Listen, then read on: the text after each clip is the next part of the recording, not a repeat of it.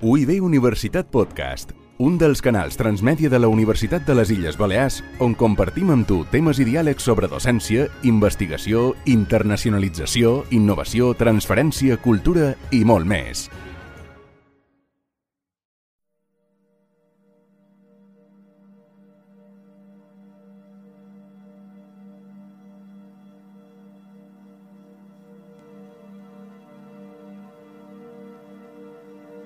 Benvinguts a En quin món vivim, reflexions sobre el nou ordre mundial, un podcast de l'Oficina de Cooperació de la Universitat de les Illes Balears. Eh, som aquí enregistrant en el hall de l'edifici Melchor Gaspar de Jovellanos de la Universitat.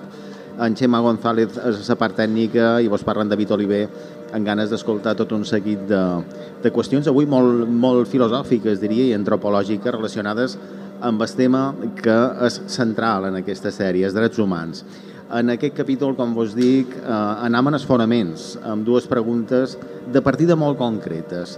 Què significa ser humà i per què ser-ho comporta un dret? Per això, començam citant el primer paràgraf del preàmbul de la Declaració Universal de Drets Humans. Diu així, considerant que el reconeixement de la dignitat inherent i dels drets iguals i inalienables de tots els membres de la família humana és el fonament de la llibertat, la justícia i la pau al món. Dit això, i per anar a cercar elements per al debat, hem recollit declaracions de Javier Riutor, ell és professor de Filosofia de la UNED i especialista en filosofies orientals, i crec que és interessant explicar que precisament ens ha enviat aquestes declaracions, aquests comentaris, quan és a la Índia, eh, on l'hem localitzat mentre continua amb els seus estudis. Anem a escoltar. El concepte d'humanitat té una aparició històrica, depenent de les societats i civilitzacions. Per això, és molt perillós aplicar una concepció occidental, que seria una concepció etnocèntrica, a tota la història o històries, i sobretot a la prehistòria, quan no poden saber les ideologies, pensaments i creences que havia a la prehistòria, precisament per la manca de documents escrits. Quan parlam de drets humans tenim dos conceptes problemàtics, no? eh, dret i humanitat, no? o allò humà. No? I normalment s'entenen des d'un punt de vista etnocèntric, és a dir, des del punt de vista d'una societat, i en aquest cas l'occidental, no? que són nosaltres. No? Els drets humans va ser el producte d'una civilització en concret en un moment donat de la història. No? De fet, varen ser fruit d'unes lluites polítiques, una revolució, d'unes revolucions no? eh, econòmiques, socials, etc. No? d'una classe concreta, no? la, la burguesa. No és casualitat que estigui el dret a la propietat, com a dret humà, no? Això sempre m'ha sobtat molt, no? A més que quan jo estudiava, per exemple, la Declaració dels Drets Humans, en el mateix temps estava estudiant pues, l'anarquisme, el comunisme, no? I estava en Proudhon, no? que deia el, la propietat és un robo, no? Un robatori. Històricament, el fet de ser humà o ser considerat humà no otorga un dret. Allò és precisament lo específic de la Declaració dels Drets Humans. Pensem, per exemple, en els grecs. El terme anthropos, humà, no implicava un puesto a l'àgora, fins i tot a la democràcia ateniense, que era una democràcia basada en l'esclavatge, no? La nostra democràcia, per una altra banda, també està basada en altres desigualtats, desigualtats i relacions de poder, per exemple, amb el sud i fins fa poc amb Àsia. A Índia també havia una idea d'humanitat comú, però allò no implicava igualtat. Tenim les castes, per exemple. I després d'haver escoltat aquest, aquest comentari, saludam en Alexandre Miquel, sociòleg i doctor en antropologia, professor d'aquesta universitat. Com estàs, Alexandre? Només sentim quatre paraules. Ja estàvem prenent notes, tant Alexandre com en Xim Valdivielso, professor titular de l'àrea de Filosofia Moral al Departament de Filosofia i Treball Social d'aquesta universitat, de, de l'UIP. Eh, Xim, com estàs? Què tal? Hola, bon dia. Si vos sembla, a partir d'aquestes declaracions farem una miqueta de tertúlia. Uh, no sé si voleu fer un primer comentari per ubicar-nos, Alexandre, a partir del que hem escoltat, llavors anirem desenvolupant aquesta qüestió. Bé, jo crec sí, fonamentalment jo estic d'acord amb el que ha dit en Xavier, però clar, aquest concepte d'humanitat és molt difícil perquè en el moment que sorgeix la idea d'humanitat ja neix fragmentada. O sigui, no existeix cap concepte d'humanitat quan ha existit, que no sempre ha estat, que inclogui tothom, i no només aquells que estan fora, sinó també aquells que estan de dins. Per exemple, la dona sempre és fora i continua absolutament fora. O ara, que ha sentit que feies aquest interessantíssim, eh, parlàveu de la malaltia mental, i efectivament els malalts mentals són deshumanitzats d'una manera sistemàtica, per no parlar de refugiats, d'immigrats, etc. És a dir, sempre sorgeix d'una forma fragmentada i particularment a més si nosaltres miram els noms que s'adoten, dels quals s'adoten els diversos pobles, sistemàticament els inuits, eh, no sé, els Cariera, els Yanomami, no? per agafar tres continents diferents, en realitat aquests no se poden traduir per els éssers humans, nosaltres. És a dir, aquest concepte d'humanitat tendeix, d'una manera més humanco-agressiva, però tendeix a excloure els altres d'aquest principi eh, diguem, identitari i del reconeixement. Per tant, és difícil parlar de l'humanitat. Històricament ha canviat, culturalment ha canviat i per tant s'hauria de parlar de la humanitat des d'una perspectiva de construcció social històrica. En realitat, per parlar de la humanitat s'hauria de parlar d'una plenitud de coincidència en condicions de possibilitat de ser. I això no s'ha produït mai, mai i, i actualment pintura manco.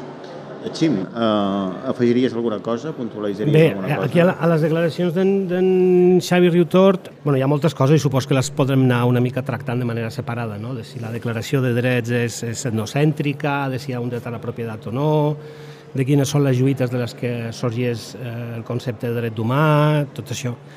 Um, sí que estaria d'acord en que cada societat, cada cultura, cada moment històric ha tingut el seu concepte d'humanitat, que evidentment s'ha expressat de maneres molt diferents, no? i més enllà de les exclusions de les exclusions que ha pogut tenir o el caràcter normatiu que ha pogut tenir, perquè evidentment el fet que consideris a un un congènere de la teva raça o espècie humana no implica que li, li atorguis una consideració moral de, de cert tipus com el, la que tendim a assumir a dia d'avui, Um, a part d'això, tota cultura ha tingut la seva forma de representar dins una categoria el conjunt del que més o manco avui anomenem humanitat. No? Els grecs ho tenien, anthropos. No? Anthropos inclou esclaus, inclou dones, inclou els que són grecs, els que són bàrbars. És un concepte molt semblant al, al d'humanitat sense necessàriament la concepció normativa que té avui. I aquí jo te vull fer una pregunta a tu. David, quan mos has enviat el, el guió d'una mica dels temes que tractaríem i mos demanaves no, que, què és això de la humanitat, no? Com es va concebent la idea d'una cosa que es diu humanitat? Escrius humanitat en majúscula. Per què ho has posat en majúscula? Clar, clar. Supos que és per identificar aquesta totalitat, no? Però en minúscula també hi seria la totalitat, o no? Sí. Jo- M'ha fet la impressió que has tendit a assumir un concepte específic d'humanitat Uh -huh. que li atorga un cert, cert estatus moral, Sí, no? que sí. estaria més o manco proper al concepte que hi ha a la Declaració de Drets Humans, no? Uh -huh. i que per això ho has posat en majúscula. No? Sí. Clar, això ja seria un concepte específic no? d'humanitat. Sí, és interessant, eh? Sí, sí, sí. sí. Bueno, per cert, jo mm, no comparteix la idea d'en Riutor de que mm, el nostre concepte actual d'humanitat es defineixi a partir d'un paradigma científic. Jo crec que es defineix més bé a partir d'un paradigma filosòfic, jurídic i moral, i que és el que tu has assumit inconscientment quan l'has posat en majúscula, no? que, ve de la, que ve de la il·lustració i dels moviments, diguem-ne, humanistes del segle XIX i, de, i XX, sobretot. Però, de fet, a dia d'avui... Si, Això comença aquí. El moment en què se vol fer aquesta cohesió és en aquest moment? Sí. Hi ha hagut altres moments de cohesió. El que passa que amb el sentit que li donem avui ve d'aquí, diria jo. Hi ha antecedents anteriors, però ve d'aquí. Ara, jo no crec que a dia d'avui la ciència eh, sigui la que doni aquesta concepció d'humanitat en mayúscula com l'has posada tu. De fet, que és que s'ha passat el contrari. Avui els científics ens diuen és que resulta que l'homo sapiens eh, se va entrecreuar amb neandertals i tenim eh, ADN de neandertals amb un percentatge significatiu. I me ven al cap la pregunta que va fer un dels biòlegs més importants del segle XX, en, en, en, en Desmond Morris, no? que deia, bueno, si avui ens trobàssim un, un homínid, avantpassat nostre, un neandertal o un floresiensis, tècnicament no, no s'ha etiquetat com a, com a part de la nostra espècie, però segurament el tractarien com a un membre de l'espècie. Fos per dur-lo en el zoològic o fos per dur-lo a l'escola, no? que és el que ell se demanava. No? És a dir, no crec que sigui la ciència la que ens diu avui que és la humanitat, amb el sentit que tu li has donat un poc a la pregunta. No?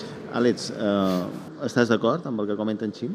Bé, jo, jo és que tinc sempre un problema, és que quan, quan nosaltres dèiem el que nosaltres pensam, qui som aquí nosaltres, no? si, si som els que estem aquí en la comunitat acadèmica o, o, o és el, el que hi ha darrere. Per, per exemple, en el sentit del que deia en Xim, no? ja parlar d'homínids, si no recordem que les exposicions eh, mundials de París, no? a principis de segle, encara s'exhibien o tentots, o s'exhibien parts de, de, de, de persones africanes el famós cas de, de, de Banyoles, que a més sembla que estava constituït de diverses persones, no? és a dir, Aquesta, aquesta idea de la humanitat com una unitat científica, com una unitat eh, des de la perspectiva biològica, fisiològica, la veritat és que hi està formalment, però després no està a la pràctica, no? és a dir, no, la consideració de éssers humans per igual. Jo crec que la primera vegada que l'humanitat coneguda comencem a centrar algunes bases de lo que fi, biològicament, fisiològicament seria la humanitat, és, òbviament en la, en la, en la, en la publicació de l'origen de l'home de Darwin, no? l'any 1856 aquí, però recordem que a partir d'això també sorgeixen tot un seguit de construccions que se deixa de parlar d'allò físic, se parla d'allò cultural, que segmenten, que tallen i que enfronten les, les diverses societats. No? Comença a sorgir el concepte de cultura que el que fa és essencialitzar diferents, diferents grups d'aquesta humanitat. O, per exemple, podrien tenir altres que també han tendit a donar aquesta idea eh, comuna, com per exemple l'estructuralisme, particularment el cas de, de, de Levi-Strauss, no? amb aquesta idea que tots els éssers humans, pel fet de ser-ho, tenim una estructura inconscient que ens fa construir-nos i entendre el món, pintura de formes, amb, diguem, en resultats diferents, però la mateixa, el mateix mecanisme, en la mateixa eh, metodologia. O el propi Chomsky, no? quan parlava de l'origen del llenguatge, aquesta gramàtica generativa, la gramàtica transformacional, també la universalitza. Per això són a nivell de formulació, però després a la pràctica, i si parlem dels drets humans veurem, el que fem és segmentar, el que fem és dividir, el que fem és enfrontar i sobretot el que fem és no incloure, no ja gent diferent, sinó part de la pròpia gent a la qual ens estem referint o de la qual ens han autoinclòs. No? És a dir, que sempre hauríem de veure aquest problema de que nosaltres no som, sinó que anem sent i depèn moltes vegades de la mirada més del fet de què, què és humà i què no és humà. I ara mateix tenim 50.000 eh, exemples absolutament contemporanis i hipermoderns de la no consideració de la humanitat com a tal, sinó aquesta segmentació Clar, i enfrontament. Perquè fent una mirada històrica, igual que abans també comentaves temes d'il·lustració en, en Xim, etc. en el moment actual, mm, aquesta, aquesta concepció unitària de la humanitat, així com la, la miram de construir ara i mirant cap al passat, som un moment especial? Hem, hem, hem canviat a l'hora d'entendre el que és humanitat en els segles? Mm, jo crec que no. O sigui, sobretot quan nosaltres trobem ara que el racisme ha reviscolat. El racisme és una forma de trencar aquesta idea d'humanitat, s'oposa completament a la humanitat. I recordem que el racisme, al segle XVIII, quan, de, quan l'himne va fer les seves classificacions, que eren fenotípiques, és dir, per l'aspecte exterior de plantes, animals i éssers humans, ell parlava de quatre races diferents i a més descrivia i essencialitzava criteris morals, comportamentals, de capacitat absolutament diferents. Afortunadament, la genètica, la genètica molecular, etc., el que ha aconseguit és deixar de mirar de fora i comencem a mirar de dins i podem parlar de grups humans però hem de deixar de parlar de raça. I en canvi, això ens ho diu la ciència, i en canvi cada vegada se parla més de raça, que a vegades se discrimina més, se separa més, s'enfronta més. És a dir, jo crec que ara mateix, justament en el moment en qual volem tenir més contactes, aquells contactes el que fa és, insisteixo, fragmentar i no pas unificar. Jo crec que hi ha hagut alguns moments probablement més reduïts de la història de la humanitat en la qual aquesta humanitat ha funcionat millor. Jo crec que ara és un moment particularment dur. Així, ara, a nivell el que està explicant en Àlex sembla que ens trasllada molt a un nivell molt social, el que s'escolta en el carrer. Però a nivell teòric, on som?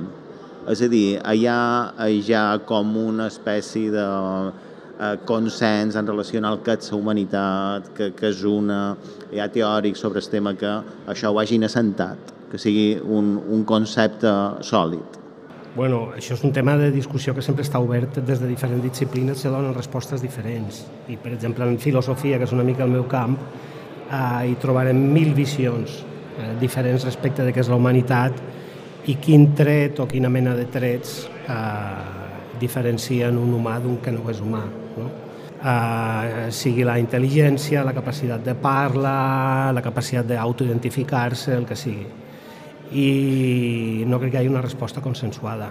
El que sí que crec és que a dia d'avui, i amb això discrepo una mica del que ha comentat Àlex, um, i això evidentment no és un procés que s'hagi donat de cop, sinó que ve d'enrere, ve probablement del Renaixement, però ha anat increixendo. Cada vegada tenim com una perspectiva més global del que és la humanitat. Tinc una, una visió més panoràmica que d'alguna manera, diguem-ne, eh, es consuma als anys 60, quan, o al final dels 50, quan començam a tenir les primeres imatges fotogràfiques del planeta i veiem una mica quin és el continent de la humanitat. No?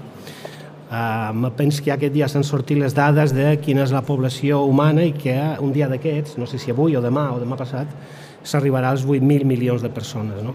Llavors, tenim un, una perspectiva panoràmica que no s'havia tingut mai abans i que ens dona una, una visió global com abans s'havia tingut i jo crec que això sí que ens dona una imatge específica d'humanitat com, a, com una mena de comunitat de destí compartida, no? en la qual els problemes d'alguna manera que anomenem globals, que són molts, no? de tipus ecològic, de tipus econòmic, de tipus cultural, de tipus jurídic, ens afecten a tots, encara que no tots per igual, afecten a tota la humanitat, i això d'alguna manera ens obliga a pensar més en termes de la comunitat humana del que segurament s'ha fet en altres èpoques històriques. No?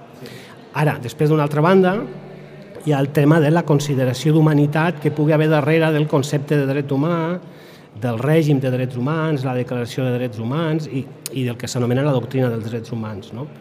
I això té, té una corrent o una sèrie de corrents històriques, intel·lectuals, probablement la més important de les quals sigui la il·lustració, i el llius naturalisme, que és un poc anterior, no? aquesta idea de que qualcú, un humà, pel fet de ser-ho, ja té de seu una sèrie de drets propis de la seva consideració com a un ésser moral amb dignitat. I això sí que és una concepció filosòfica particular, no? que jo crec que és la que està darrere de la concepció dels drets humans. Ara bé, tampoc no va ser la que va dominar quan se va fer la Declaració dels Drets Humans, ni molt manco el desenvolupament posterior amb els diferents eh, convenis i tractats. Eh?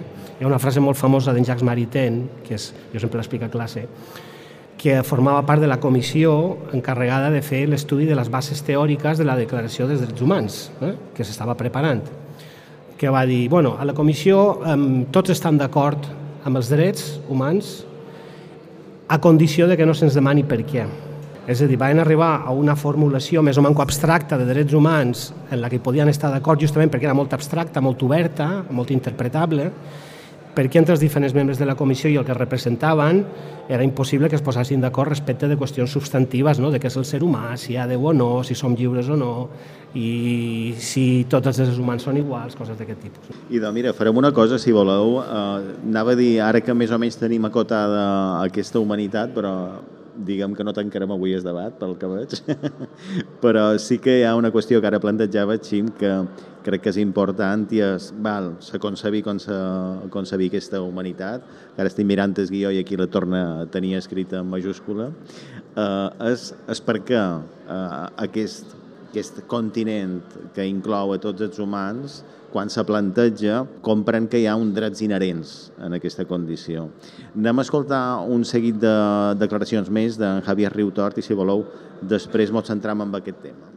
La nostra concepció d'allò humà i del dret, dels drets humans, per tant, té a veure amb una concepció postcristiana, i, i en postcristià estic dient al mateix temps cristià, no? una idea d'ànima o, si se vol ja en context secular i científic, una psique, és a dir, una, una ment entesa neurològicament, quan hi ha moltes maneres d'entendre allò humà i, i d'entendre la ment i d'entendre el comportament humà. No? Per exemple, la Constitució americana reconeix el dret a la felicitat, no? i per tant accepta una idea de la psicologia de la psique, i de la psique humana, no? I té a veure també amb, amb aquests drets humans. No? Seria com si a Índia tinguéssim el dret a l'alliberament de la roda de les reencarnacions o tinguéssim dret al nirvana a Tailàndia. És una concepció diferent de lo que és humà, d'allò humà, no? Per exemple, al budisme, allò humà, i mira que és una de les religions o cultures o filosofies més compassiva de totes, però al final allò humà no té una essència, no té una, una natura intrínseca al final és, és vacuïtat no? i compassió, no? però vacuïtat i no, no és com a la nostra societat, que sí que hi ha un nucli molt, molt potent. No? Les concepcions d'humà i de dret que tenim a la Declaració de Drets Humans tenen un paradigma secular, liberal i científic. No? Venen d'aquest paradigma. No? Quan aquesta no? aquesta realitat, aquest paradigma, no ha estat la realitat general de la història. És molt concret. És un paradigma que hem reproduït i continuat al llarg dels darrers segles i forma part de la nostra cultura, no? I, i no, no hem de renunciar amb aquesta creença en el progrés, amb els fruits desastrosos no? del colonialisme i l'imperialisme. De fet, una, una de les justificacions del colonialisme i l'imperialisme era precisament el progrés, dur els drets humans a aquestes societats. I és el cas de moltes guerres al segle XX i XXI. Per exemple, les guerres d'Estats Units estan justificades, legitimades per, un, per una concepció d'humanitat, una concepció de drets humans, on ells se situen com els salvadors d'aquesta concepció. No? Per exemple, les guerres a Vietnam, a Iraq i ara a Ucrania. No? Uh, Àlex, a partir del que hem escoltat de boca de Javier Riutort, algun comentari inicial? Efectivament, els drets humans és la declaració internacional, parteix de l'ONU, però sabem que la base és europea, o jo fins i tot diria de lo que és l'ordre nord-atlàntic, que és una definició molt més clara, molt centrat en, els Estats Units, que per exemple fa en David Graeber, no? l'antropòleg David Graeber. I de fet, ara jo estava mirant, també en el sentit del que deia abans en Xim, estava mirant la comissió eh, organitzadora, la que, la que va decidir, la que va eh, fer la, la declaració, va escriure o va acordar la Declaració Universal dels Drets Humans, resulta que hi havia un representant de Xina, el senyor Chang, que era pluralista, que és una de les característiques, tenim un món plural, en referència plural, per què no feim referència al confucianisme? Per què no llegim el Confuci? I naturalment s'hi va posar immediatament el senyor Malik, que era del Líban, eh, cristià, cristià marronita del Líban, per tant, cristià diguem, més, més ferm, que va, se va oposar immediatament dient no, que la base havia de ser Santo Tomàs d'Aquino. Mm? És a dir, el problema és que va vèncer, diguem, la, la tesi. És vera el que deia, el que deia en Riutot, en el sentit de que sí que hi ha una base cristiana. Però fonamentalment el que sí hi ha a la Declaració Universal dels Drets Humans, tot i que sigui efectivament s'ha de defensar perquè el manco tenim això, és que té un contingut absolutament liberal, on efectivament, com a idea, hi ha una equiparació entre el dret de propietat i, per exemple, el dret a una existència digna. El dret de propietat no tenim cap dubte que s'està respectant i com, el dret a l'existència digna és com a mínim molt, molt discutible. No? Per tant, sí que és vera que té ja un viatge de principi i és des d'on se fa, a més, recordem que quan s'està fent la Declaració Universal dels Drets Humans, l'any 49, el colonialisme encara existeix. Falten dos, tres anys perquè comencin a independitzar-se. I el colonialisme suposa, de fet i de dret, negar aquesta equiparació de pertenència a la humanitat en els que són els súbdits de les colònies, no? i que després se continua a dir aquest viatge de principi jo crec que s'ha de tenir present, no? I per això d'aquí s'hauria de començar a veure com se pot eh, canviar la Declaració Universal dels Drets Humans. I després també que tenim un, punt, un altre punt de partida, que hi ha coses que són interessants, però l'aplicació no hi és, perquè malauradament hi ha una predominància del dret privat, del dret comercial, per damunt del que és el dret públic, és a dir, la defensa dels drets humans. I normalment està tot comercialitzat, està dedicat a aquesta esfera d'allò econòmic que se suposa que viu al marge d'aquest control i que de fet és la, és la qüestió del poder. On se situa el poder? No se, situa, no se, no se situa a l'Organització de les Nacions Unides ni molt més. Mm. Eh, Xim, eh, hem parlat de com és aquesta idea d'humanitat. Posem per cas que la tenim conformada. Pertanyen a aquesta humanitat a partir de quins valors i plantejaments filosòfics a un moment donat s'associen a tenir determinats drets i per què? Qui, qui són els teòrics d'això? I el eh, que comentava ara també en Javier, no? Potser ser real és, és una qüestió religiosa? Sí, bueno, mem, jo crec que aquí s'han de diferenciar tres, tres o quatre coses eh, diferents, no? D'una banda, és vera que el, el bessó filosòfic de la idea de dret humà, com apareix al preàmbul que tu has llegit al principi, ve del dret natural, de la filosofia del just naturalisme, del dret natural, d'autors com, com Locke, abans Dale Hobbes, Pufendorf i d'altres, que sí que tenen un rerefons cristià d'alguna manera i una concepció més que d'ànima, eh, una idea d'una mena de consciència que és capaç de reconèixer en si mateixa l'única font de valor moral o ètic, no? que en aquest cas seria el de la dignitat i els drets després de tipus jurídic positiu que se'n derivarien d'això. Um, I és veritat que aquesta és una tradició que ve de, de molt antic, que ve del segle XVII. Ara bé, si un se'n va a la Declaració de Drets Humans, i aquesta seria la primera distinció que faria, aquesta concepció apareix al preàmbul i, i molt de passar d'algun altre article. La resta d'articles són tan ambigus, tan generalistes, tan abstractes, que és dubtós que se puguin identificar amb aquesta tradició del justnaturalisme i, si se vol, del justnaturalisme il·lustrat, no? que arribaria fins a autors com a Kant. I és més bé el resultat, la declaració, al cap i a la firma, el resultat de les diferents mirades, de les diferents perspectives que hi havia entre la comissió que va redactar aquella declaració i en particular els, els poders i actors que representaven el seu moment, que hem de pensar que això se fa a la postguerra, en una situació en la qual hi ha la política de blocs i jo no diria que la declaració se pot qualificar com, com fa en Riutor d'una declaració més bé burgesa, liberal. De fet, si un se'n va a, a la forma en què defineix propietat, que és una declaració super ambigua, generalista de propietat, no és la liberal, no és la llius naturalista per res. No? Llavors, això és una, una, una primera distinció. Després, la segona distinció és que el que tenim avui com a règim de drets humans, és a dir, tot l'aparell jurídic i la força que té després des del punt de vista social i polític en mans de diferents actors en pro dels drets humans, va molt més enllà de la declaració. La declaració no és un tractat internacional, no té força jurídica, no té força vinculant.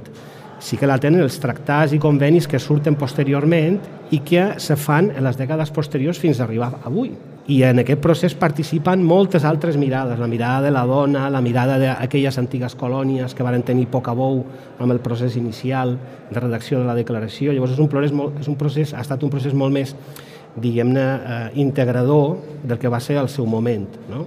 Llavors té els biaixos, la declaració sense cap mena de dubte, però si un se llegeix la declaració el que trobarà més bé és que és molt plàstica, és molt flexible i la forma en què se concreta després depèn de circumstàncies polítiques i d'actors molt diversos a tot el món.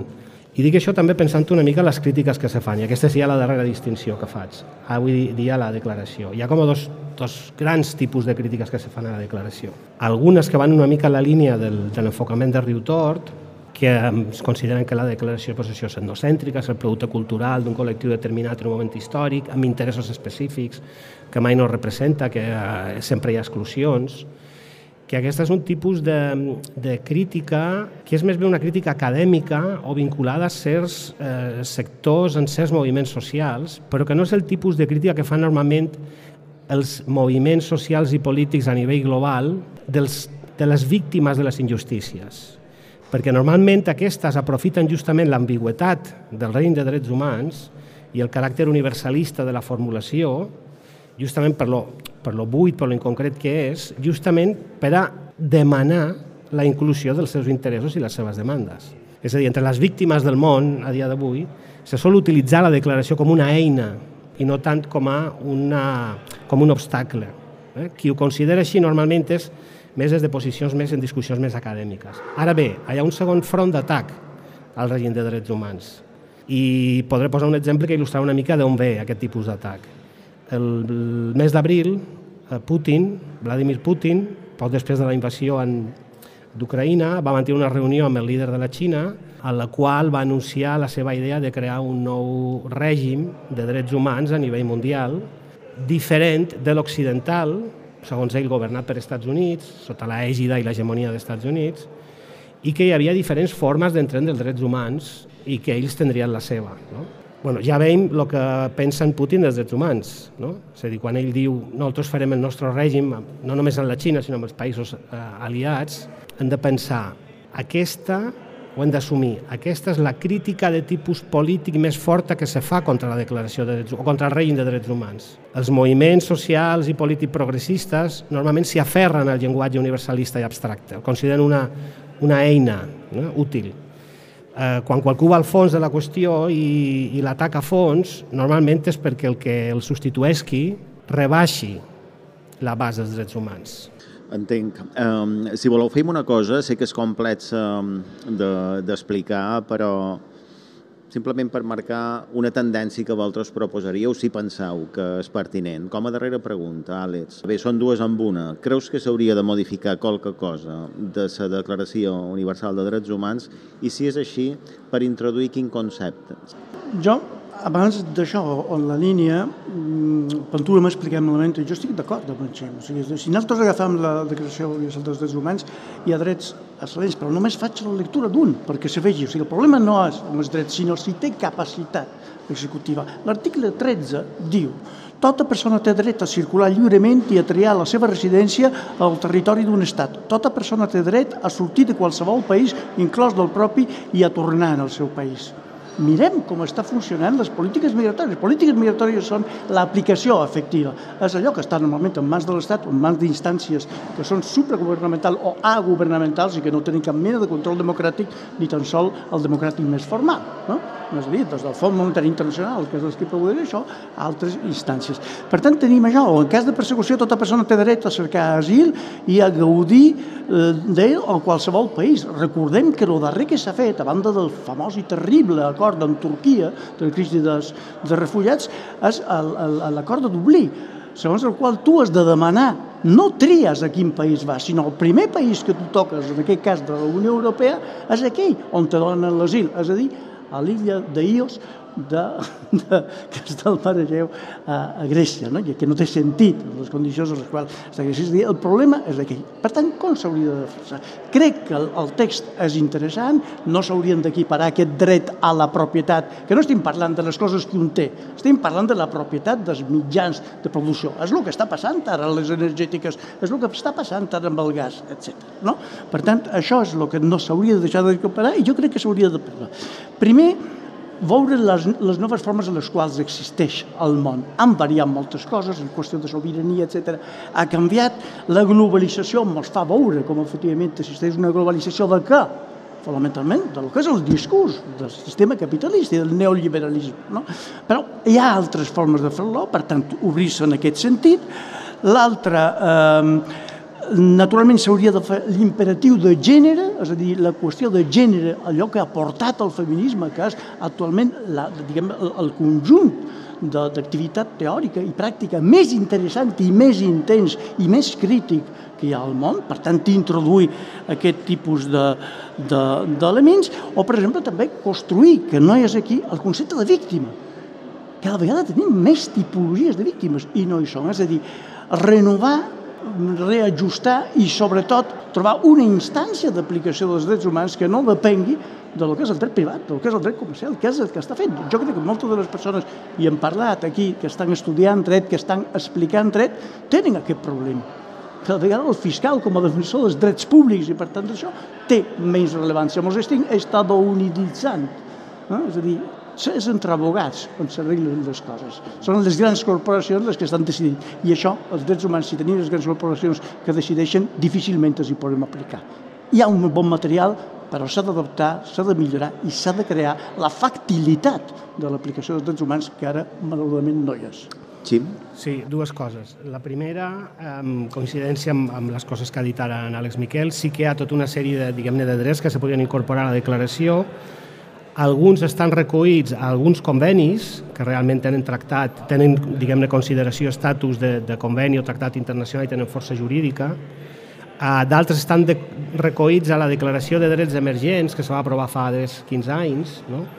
i que incluirien coses com el dret a l'asil polític, el dret a immigrar, no només el dret a immigrar, que sí que està recollit a la declaració, el dret a participar del govern, el dret a l'educació alimental i lliure, el dret a la seguretat social, el dret de les generacions futures, el dret al medi ambient, el dret de la naturalesa. O sigui, tota una sèrie que se podien incorporar a la declaració a pesar de que alguns ja estan recollits amb, amb el règim de drets humans encara que no a la declaració. Ara bé, la segona qüestió. Crec que més important que pensar en canviar la declaració, el que s'hauria de fer és canviar Nacions Unides, perquè en realitat l'òrgan i diguem-ne la punta de llança de l'arquitectura institucional global que s'ha d'encarregar de vetllar pels drets humans, en realitat són els estats, però eh, ho fan eh, sota aquesta arquitectura internacional de Nacions Unides. I Nacions Unides té un, té un disseny eh, clarament antidemocràtic i abans que pensar en el què, jo pensaria en el com. I el procediment per fer qualsevol modificació de la declaració hauria de ser um, el resultat d'haver transformat primer el disseny institucional de Nacions Unides. Ximbaldi Bielso i Àlex Miquel, gràcies per aquesta estona. Amb vosaltres tancam eh, aquests quatre capítols en quin món vivim dedicats a drets humans. Com sempre mos passa, però crec que això és bo. Simplement fem una pinzellada de temes que esperant que despertin la curiositat de qui mos escolta per fer una mica més de, de recerca o molta més recerca si és del seu gust. Gràcies i que vagi molt bé. Gràcies, Eduard.